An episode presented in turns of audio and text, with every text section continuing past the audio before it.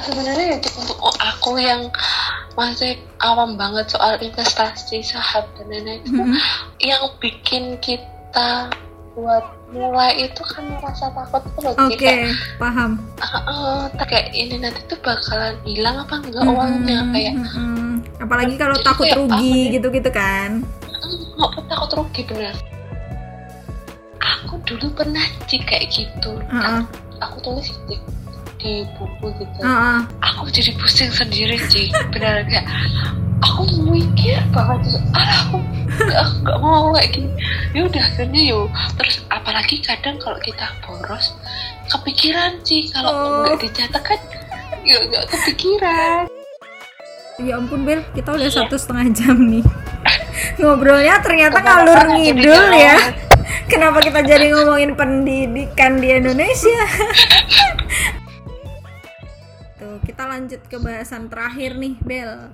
Sekarang aku nih yang mau sharing. iya Oke, kalau ngomongin soal perencanaan keuangan pendidikan anak dan sebagainya, perencanaan ke keuangan ke depannya, itu sebenarnya eh, gampang banget. Yang susah itu adalah eh, nyari duitnya sama konsistennya. Nah, sebenarnya konsisten itu sih kunci banget konsisten. Kalau kita misalnya udah bikin planning bagus-bagus, sudah rapi gitu-gitu, tapi kalau kita nggak konsisten dan kita juga nggak ngelakuin secara prakteknya itu bakal sama aja gitu. Nah, untuk eh, planningnya itu sebenarnya gampang. Yang pertama kita harus riset dulu, riset dulu. Misalnya nih kita bikin eh, rencana untuk nabung persiapan dana pendidikan anak. Nah, itu yang kita harus tahu adalah harga pendidikan anak itu berapa. Misalnya kita maunya untuk SD. Nah, itu tuh biaya yang harus kita eh, butuhkan itu tuh ada berapa untuk masuk SD itu. Terus mungkin dari SPP-nya juga. Terus bisa juga dimasukin kalau mau itu kayak biaya buku-buku, terus biaya tambahan lainnya. Misalnya kalau sekarang kan SD juga udah ada itu kan, uang pangkal juga kayak gitu-gitu mungkin. Terus mungkin ada biaya-biaya lainnya. Nah, itu harus disurvei dengan benar-benar. Jadi kita udah tahu nih kita tuh maunya anak tuh kira-kira akan disekolahkan di mana sih? Nah jadi kita tahu kira-kira rincian biayanya tuh ada berapa seperti itu. Terus kita juga harus tahu nih kira-kira berapa tahun lagi anak kita ini akan masuk ke sekolah tersebut. Jadi misalnya oh anaknya masih tiga tahun nih kira-kira umur 6 baru masuk kan? 6 tahun itu baru masuk. Jadi tiga tahun lagi. Kita ada waktu tiga tahun untuk bisa ngumpulin si dana pendidikan SD ini.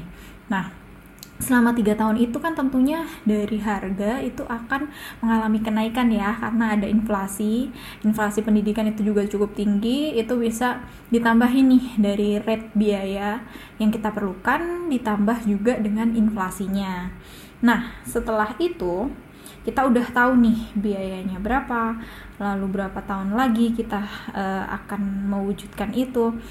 Ditambah juga sekarang ada uang berapa nih yang eh, sudah kita miliki, sudah kita sisihkan khusus untuk dana pendidikan anak ini. Misalnya kita udah punya tabungan 30 juta nih, tapi secara khusus kita tuh udah eh, menyisihkan dari 30 juta itu 10 juta nih untuk dana pendidikan ini. Nah, berarti kita bisa kurangin total biayanya tadi. Hmm, misalnya kan tadi kita udah tahu nih rate rate rate biaya masuknya kebutuhan dana pendidikannya berapa ditambah inflasinya berapa. Nah, kita bisa kurangi nih dari dana yang sudah kita miliki ini tadi dikurangin 10 juta itu tadi. Terus selanjutnya kita jadi bisa ngitung nih kira-kira kebutuhannya yang kurang tuh berapa gitu misalnya untuk biaya SD ini kita perlunya sekitar 30 juta gitu 30 juta dikurangi 10 juta uang yang sudah kita miliki itu tadi berarti kurangnya adalah 20 juta. Nah 20 juta ini dalam waktu 3 tahun kita harus uh, nabungnya berapa per bulannya gitu. Berarti otomatis 20 juta dibagi sama 36 bulan ya. Berarti 20 juta dibagi 36 bulan. Nah, hasilnya 555.000 sekian sekian. Nah, berarti otomatis setiap bulannya paling enggak kita inf, uh, menyisihkan 555.000 sekian sekian untuk dana pendidikan ini. Nah, tapi ini dengan cara yang tradisional, maksudnya berarti kan tidak kita investasikan, tidak kita masukkan ke produk investasi yang mungkin bisa nambah return yang lebih besar gitu. Itu akan lebih beda lagi, tentunya lebih ringan ya, akan lebih ringan.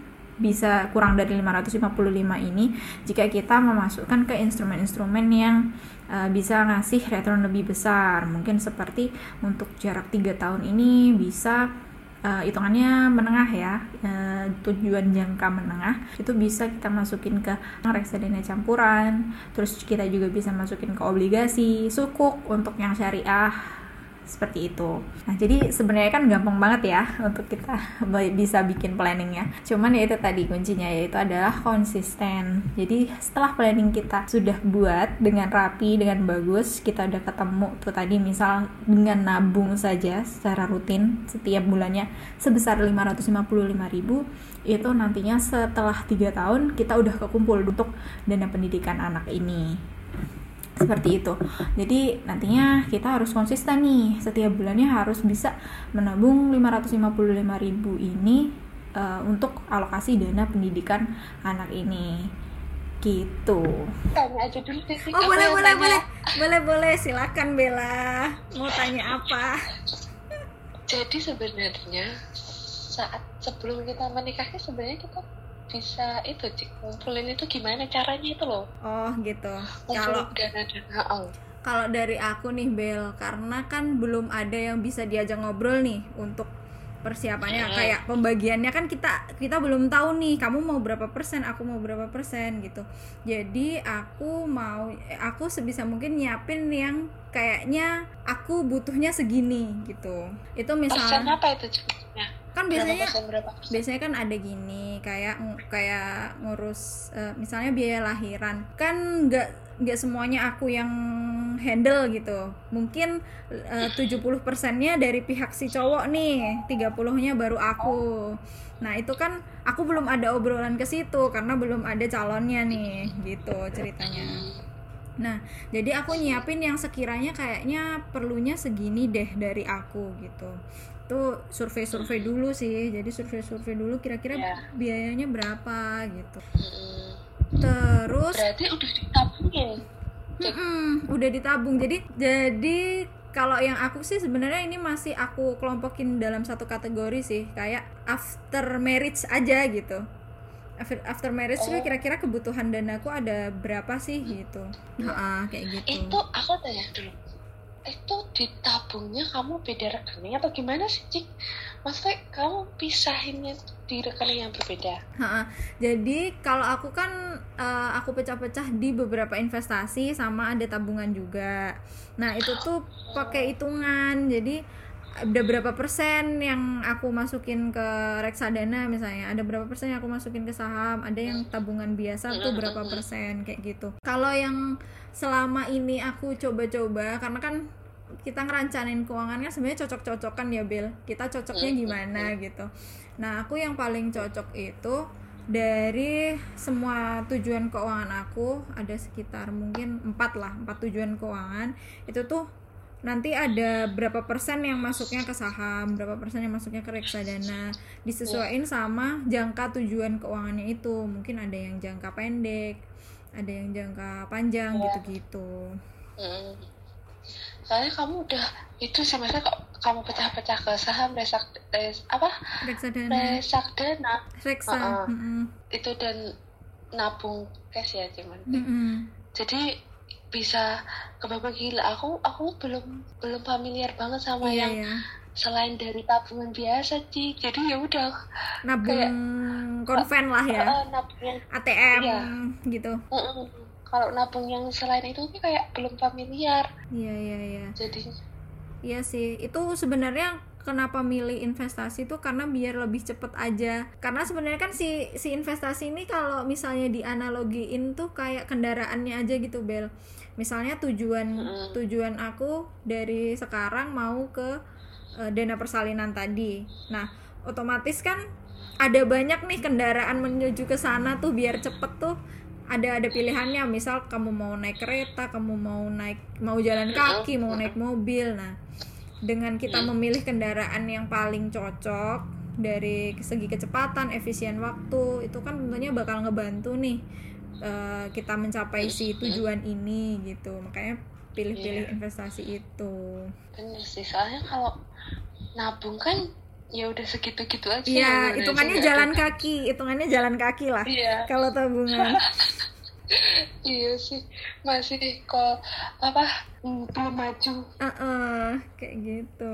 Terus apa kamu ada yang mau ditanyain? jadi kalau yang investasi itu loh kamu investasi itu berarti ketika yang kamu masukin itu berapa dari berapa persen kamu masukin investasi berapa persen kamu nabungnya Nah, hitungannya Hmm, kalau itu tuh um, ada hitungannya sendiri kayak hmm, aku pakainya Excel sih. Jadi tadi kan dalam perencanaan itu tadi yang kita udah survei dananya butuhnya berapa, berapa Mm-mm. lama lagi Mm-mm. inflasinya.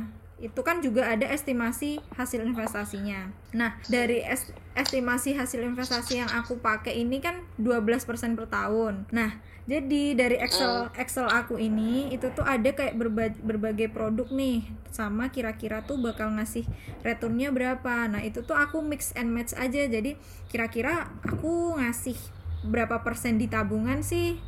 Berapa persen di saham sih? Berapa persen di reksadana sih? Sehingga aku tuh bisa nyampe return yang diinginkan itu tadi 12% itu tadi gitu. Mungkin ke- kebayang nggak ya? ya Oh, oh kayak Iya, gitu. bisa bayangin sih maksudnya kayak berarti kamu ada hitungannya ya Mm-mm. Ada ada hitungannya gitu. berarti per bulan kamu udah langsung pisahin sih Langsung. Jadi karena udah ada itu, ada udah ada pedoman si Excel itu, jadi tiap bulannya tuh aku udah ngerti misalnya satu bulan hmm, apa si aku udah sisihin misalnya misalnya aja lah ya 10 juta nih. Ini tuh untuk untuk nabung. Nah, itu nanti tuh dari Excel itu kan kita ketahuan mau 20 persennya udah langsung otomatis ke reksadana gitu misalnya. 30 persennya langsung otomatis ke saham gitu-gitu. Jadi udah udah sesuai si Excel ini gitu biar gampang. Jadi nggak nggak perlu ngitung ulang lah setiap bulannya harus harus berapa berapa karena itu udah Heeh. Heeh, pasti ya heeh. Karena ngitungnya kan udah per per tahun. Nah sebenarnya untuk untuk aku yang masih awam banget soal investasi saham dan lain-lain itu Mhm. yang bikin kita buat mulai itu kan merasa takut tuh loh Oke, Ci. Kayak, paham. "Ah, ah, takut kayak ini nanti tuh bakalan hilang apa enggak uangnya Mm-mm, kayak mm-mm. apalagi kalau takut kayak rugi apa ya? gitu-gitu kan. "Mm, nggak takut rugi bener takut rugi kalau ditabung kan ya udah uangnya segitu-gitu aja nggak bakal hilang walaupun juga nggak bakal nambah Iya. Tapi Hilangnya kegerus hilang inflasi gitu sih. ya. iya sih ya tapi kan nggak nggak banyak pun masih aku Iya, tuh iya. takutnya kayak Paham, paham, "Loh, tiba-tiba kita nggak ada uang yang kita Ha-ha. sisihin udah Ha-ha. dari hasil jerih payah gitu Aku pun juga gimana cara memulainya aku juga dulu tuh punya ketakutan kayak gitu Bel cuman ketakutan itu sebenarnya muncul karena kita nggak punya ilmunya gitu jadi ketika kita cari tahu lebih banyak jadi kita lebih ngerti oh ternyata eh, cara kerjanya reksadana gini cara kerjanya saham gini resikonya apa terus gimana handle-nya gitu-gitu. Kita lebih paham jadi kita ngerti nih ketika ada oh em, misalnya reksadananya turun nih nah kita harus ngapain? Itu kita ngerti gitu. Jadi ya udah upgrade ilmunya aja gitu. Dulu aku juga nggak paham bel sama sekali nggak paham apa itu reksadana saham. Itu itu nggak paham jadi ketika belajar jadi paham dikit-dikit nyoba terus akhirnya oke jadi lebih berani lagi deh gitu. Berarti harus harus Belajar. buat tahu sih karena kalau nabung doang memang ya udah segitu-gitu aja Iya, deposito gitu biasanya kan kalau orang-orang tua. Mama mama aku juga biasanya udah depositoin aja, jangan aneh-aneh. Apain kamu masuk ke saham gitu-gitu kan. Tapi ya udahlah. bener iya tapi untungnya juga cuma dikit banget deposito Iya. apalagi yang harus aku tahu ya soalnya sebenarnya kan perlu banget kan ya sebenarnya menyiapin itu loh apa dana pendidikan anak Ah, sebenarnya Betul banget. Itu banyak, Bel. Kalau aku pengalamannya di dana pendidikan ini kan aku nyiapin sendiri nih. Itu juga aku pakai sistemnya yang kayak gitu. Jadi aku ngitung nih kira-kira eh surf apa si UKT ini bayarnya berapa? UKT dan per per perbiayaan dari kuliah lah ya. Mungkin kan ada kayak admin dan lain-lain gitu-gitu. Itu totalnya berapa? Terus nanti ada inflasi nggak sampai 2 tahun kan berarti 4 semester nah dua tahun terus nanti berapa lama lagi berarti kan dua tahun tuh terus nanti juga di eh, estimasi hasil investasi itu tadi mau berapa persen per tahun gitu. Sama sistemnya. Sebenarnya dari dari planningnya tuh sama sih. Kita harus survei harga gitu-gitu deh. Lah berarti kamu udah maksudnya udah membagi pos-pos itu ke dana sampai ke dana pendidikan anak atau yang cuma sampai setelah menikah itu katamu? Itu tadi aku masih setelah menikah tuh kayak hmm, hamil dan lain-lainnya gitu deh. Pokoknya setelah menikah sampai hamil aja. Kalau dana pendidikan itu kayaknya aku merasa harus ngobrol dengan Sama dengan aku ya. pasangan. Oke. kayak nggak bisa aku kayak nggak bisa kalau aku sendiri gitu deh. Harus harus bareng deh. Tapi sebenarnya seru ya cik. Aku sebenarnya pengen sih belajar kayak itu biar ya udah biar tambah aja ilmunya. Iya siapa bel tahu bisa praktekkan soalnya selama ini ya udah tauku cuma nabung deposito nabung deposito tapi sebenarnya ya kadang juga suka it, ngelihat eh, orang-orang zaman dulu kan juga ibu kita gitu kan nggak sebenarnya nggak se nge-planning ini juga nggak sih Bel? Tapi mereka Tapi bisa bisa. gitu. Iya kan? Nah berarti harusnya kita dengan memplanning harus lebih bagus lagi. Bener lah aku tuh orangnya kayak ibu-ibu jadul itu cik Ke- udah apa yang ada sekarang dihadapi yang besok ya udah nanti gimana cara kita? Sebenarnya kan gitu juga ya kayak kayak orang kan ngomongnya rezeki juga nggak ke mana ngapain sih kamu gitu banget? Kadang kan gitu. Cuman kadang ya Iya. aku memikirkannya ya mumpung kayak gini kan berarti aku aku masih single aku dikasih income juga. Itu kan otomatis berarti ya aku harus memaksimalkan rezekiku ini sebaik-baiknya gitu biar nggak lari ke hal-hal yang nggak seharusnya gitu. Heeh, bener cik apalagi kalau masih single masih. Jadi kamu punya batu lonjakan tangga ini berat kata kamu setelah nikah tuh udah bisa lebih baik banget. Hmm, harusnya kan gitu. Ya itu Cik. soalnya aku aku tuh mikir cek maksudnya uh, untuk anak itu mikir. Tapi ya itu yang aku lakuin kayak cuma bisa sebatas berhemat untuk nabung. Nabung iya. Hmm, jadi Zaprep itu udah aku bikinin rekening. Rekening iya iya iya iya. Aku dulu mama aku juga gitu waktu SD sih kayaknya waktu SD deh udah otomatis dibikinin itu gitu. usia usia nol bulan sudah mantap. Apa sih junior? Pokoknya apa junior apa ya aku lupa namanya. Oh, rekening itu nah itu tuh kayak nanti otomatis ngepotongin dari kayak uang masuk gaji masuk itu lagi. Oh, udah otomatis ya? Otomatis tiap bulan. Jadi udah kayak ngisi sendiri auto itu auto ya debit. aku cuma bisa berusahanya sebatas itu untuk soal anak ya.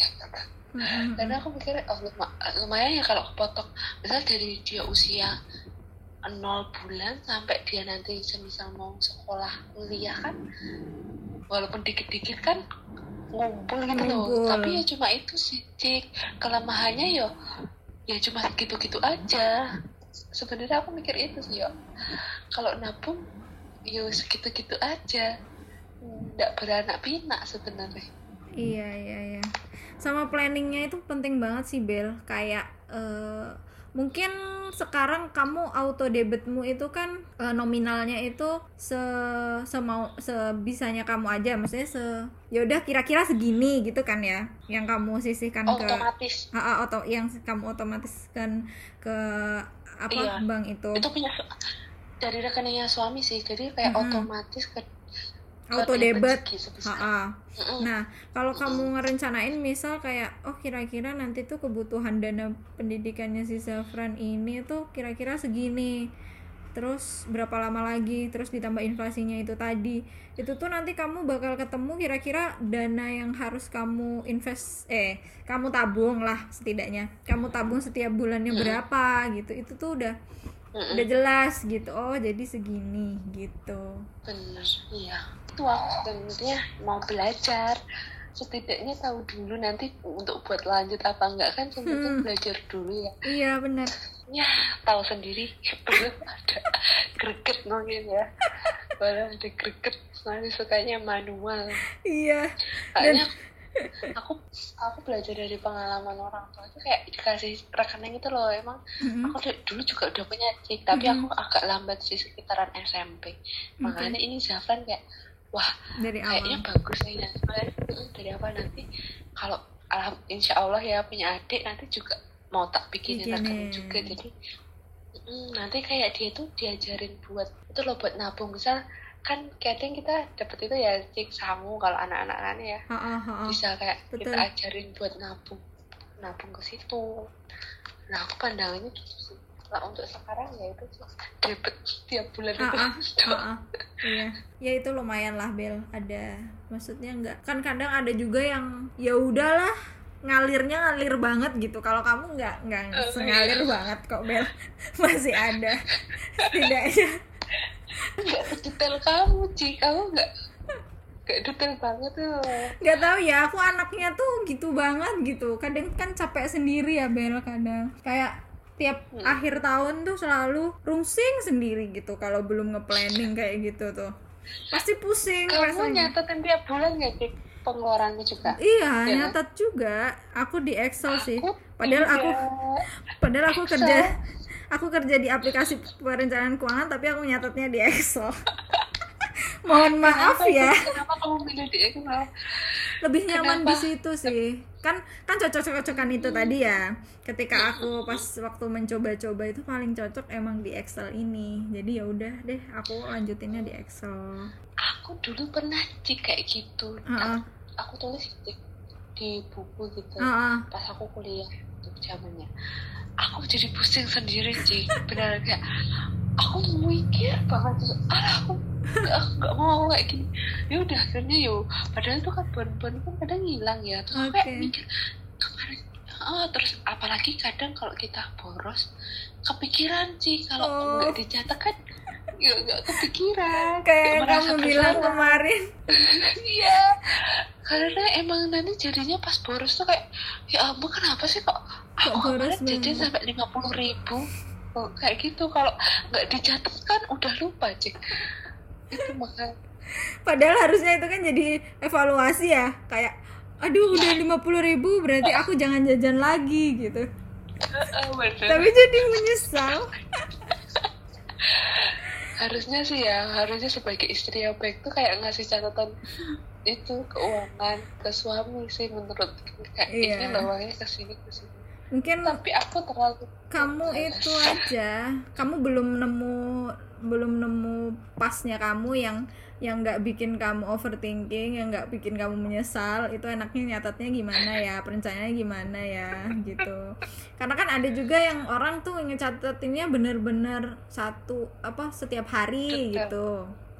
dan sedetail-detailnya kayak kayak kayak yang recehan pun juga dicatat juga ada. Nah kalau aku kan biasanya iya benar-benar biasanya nggak segitunya juga. Cuman yang kayak pengeluaran pengeluaran itu kira-kira udah udah mas apa le- ngelewatin budget nggak?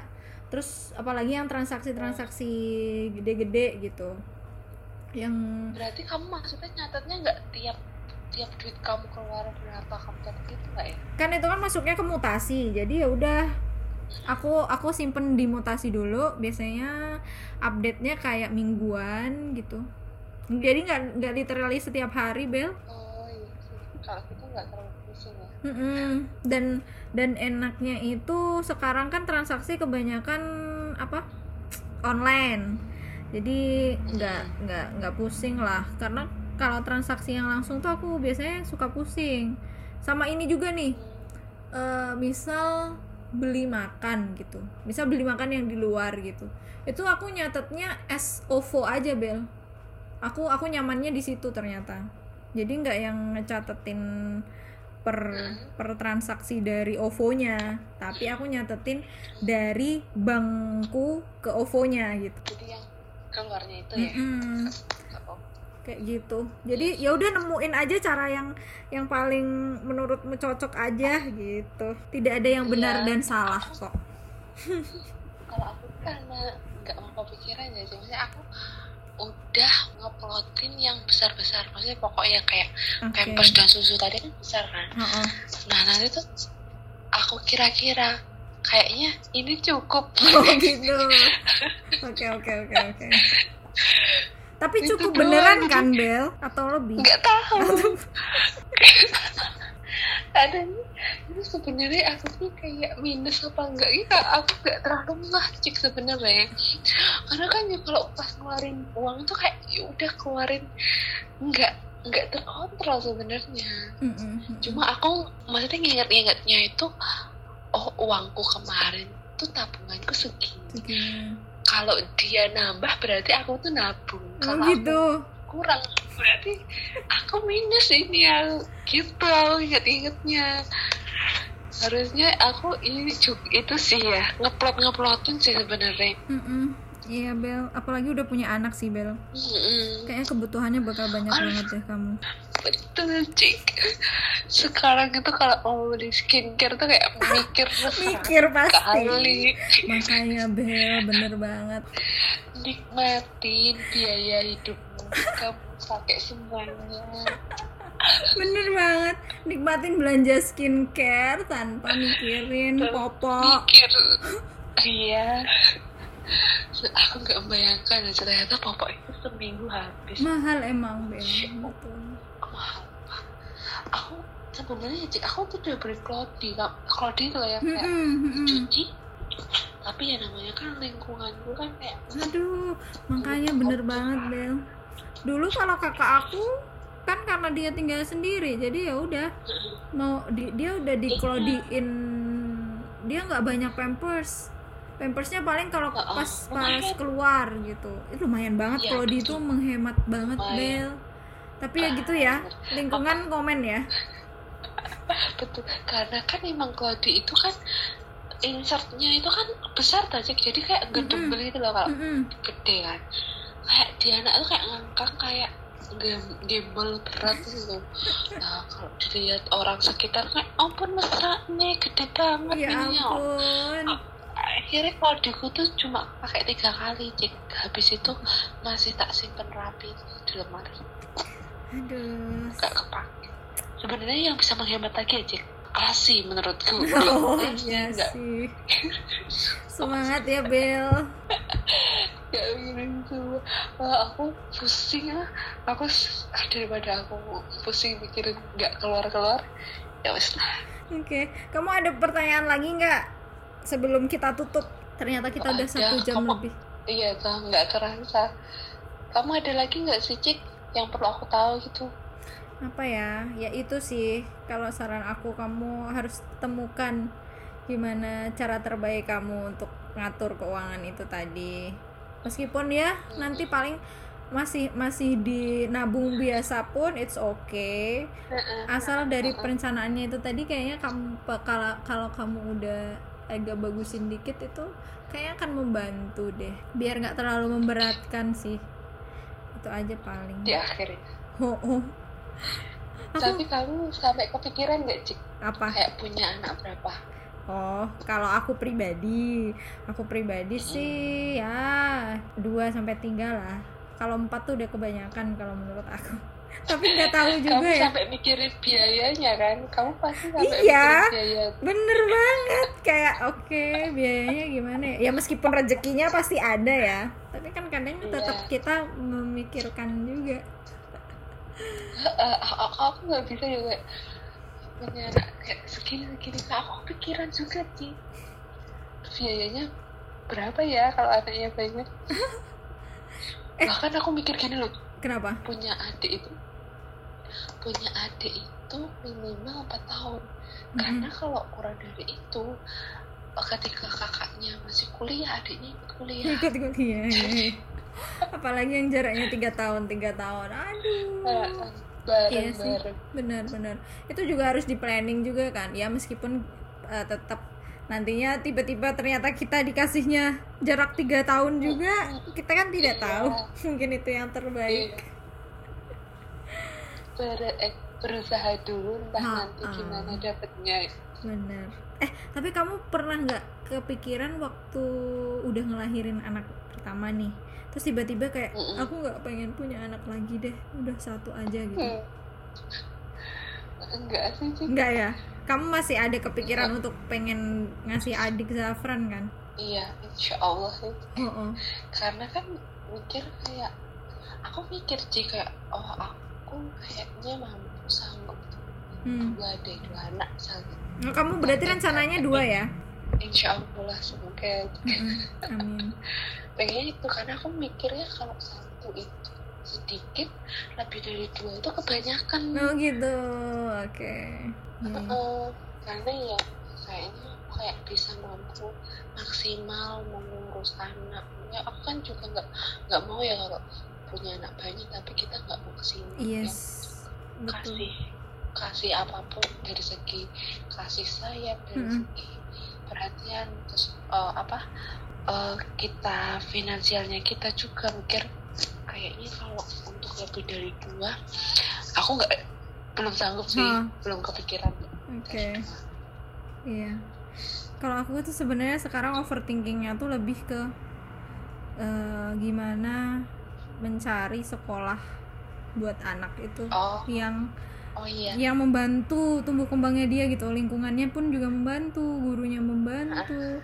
Yang kamu tanya ini tuh kan yang dulu apa Ha-ha. sekolah alam-alam tuh? Bener. Dulu kan aku sempet tanya-tanya juga kan ke kamu Mm-mm, kayak gimana sih guru-guru ini? Apakah sebenarnya diajarin juga nggak sih untuk mengajar dengan baik atau gimana? Ada metodenya nggak sih? Gitu kan. Karena overthinkingnya aku lebih ke situ sih Bel. Kalau itu berat sih Cek menurutku iya ya kan? Karena itu kompleks. Banget. Kalau soal pendidikan. Iya. Itu tuh udah dari akar sampai daun-daunnya. Itu kan soal pemerintah kan? Hmm. di Indonesia. Ya kalau kamu mau mendapatkan lingkungan yang yang mendukung banget itu kan lebih banyak banyaknya kan swasta kan iya dan pastinya biayanya mahal juga. lebih mahal ya itu. Kayaknya kalau di kota-kota besar udah banyak kali ya banyak Cik, yang, yang kasih lingkungan yang bagus itu yang sesuai dengan yang kamu mau tadi. Tapi kalau untuk di Trenggalek kayaknya belum. Iya sih. yang sebenarnya ya Cik sebenarnya sih ini kalau dari uh, kurikulumnya Indonesia sendiri itu sekarang udah berubah banget sih. Maksudnya menuntut anak itu buat mencari tahu kayak kayak cak rasa ingin tahunya itu udah digali banget sebenarnya. Hmm, cuma dari segi anak itu kalau dari dia dasarnya nggak dikasih tahu oh kita tuh harus nyari tahu. Tapi kan ya anak malah sendiri tuh cek buat ngas mengikuti kurikulum yang sebenarnya. Akhirnya guru kan juga menyesuaikan kemampuan anak. Hmm, sebenarnya kurikulumnya udah bagus. Kayak oh harus mencari tahu nggak boleh dikasih tahu. Anak tuh harus eh, melakukan percobaan dulu ini buat dapat ini gitu. tapi ya itu cik nah, kalau siswanya sendiri itu belum mampu menerima kurikulum ini loh dari awalnya itu tidak terbentuk rasa ingin tahu itu kan oke juga susah cik buat mendorong Berarti di sini support orang Ya. tua juga nih. Di rumah tuh juga Mm. harus harus juga sebagai pengajar juga karena kadang kan sebenarnya Mm-mm. eh, nggak nggak me- nggak menggeneralkan ya ke semua orang tua. Mm-mm. Tentunya ada beberapa yang Mm-mm. udah itu. Itu kan biasanya yang menaruh 100% tuh kepada guru gitu, Bel. Jadi ya udah iya ya udah memang udah diajarin di sekolah jadi bukan bukan tugasku lagi untuk ngajari itu gitu misalnya iya faktanya kayak gitu. gitu. Kalau yang aku diceritain sama kakak aku ya, faktanya kayak gitu. Emang seperti itu, wong kan kayak ini rame cek kemarin pas covid terus pembelajaran Iya. daring kan udah banyak orang tua yang pusing. Stres. Oh, karena ngajarin anaknya ternyata segitu susahnya ngajarin. Makanya terus pada pada pada itu kan pada mau sekolah masuk sekolah lagi gitu Enak daring ya di rumah bisa sebenarnya bisa dipantau itu Bener. enak sih. bener banget betul banget. Ya ya ya oke deh kalau begitu. Ya ampun Bel kita udah satu setengah jam nih. Ngobrolnya ternyata ngalur ngidul ya. kenapa kita jadi ngomongin pendidikan di Indonesia? Karena overthinking nih. Permasalahan itu sebenarnya. overthinking malam-malam. Kan Bella ini juga guru nih jadi merasa cocok kalau aku ngobrol soal ini sama dia tuh Iya. Oke deh, kalau begitu terima kasih banget nih Bel, kamu sudah mengisi episode per- perdana 1 2 dari podcast ini season 3 loh. Udah sharing-sharing. Terima kasih Ciki sudah ngajakin aku buat sharing-sharing hal menarik ini soal finansial Oke. planningnya. Semoga ini bermanfaat lah ya obrolan-obrolan kita buat teman-teman yang dengerin bermanfaat. gitu. Oke deh, kalau begitu ini Ibu Bella biar bisa istirahat ya teman-teman.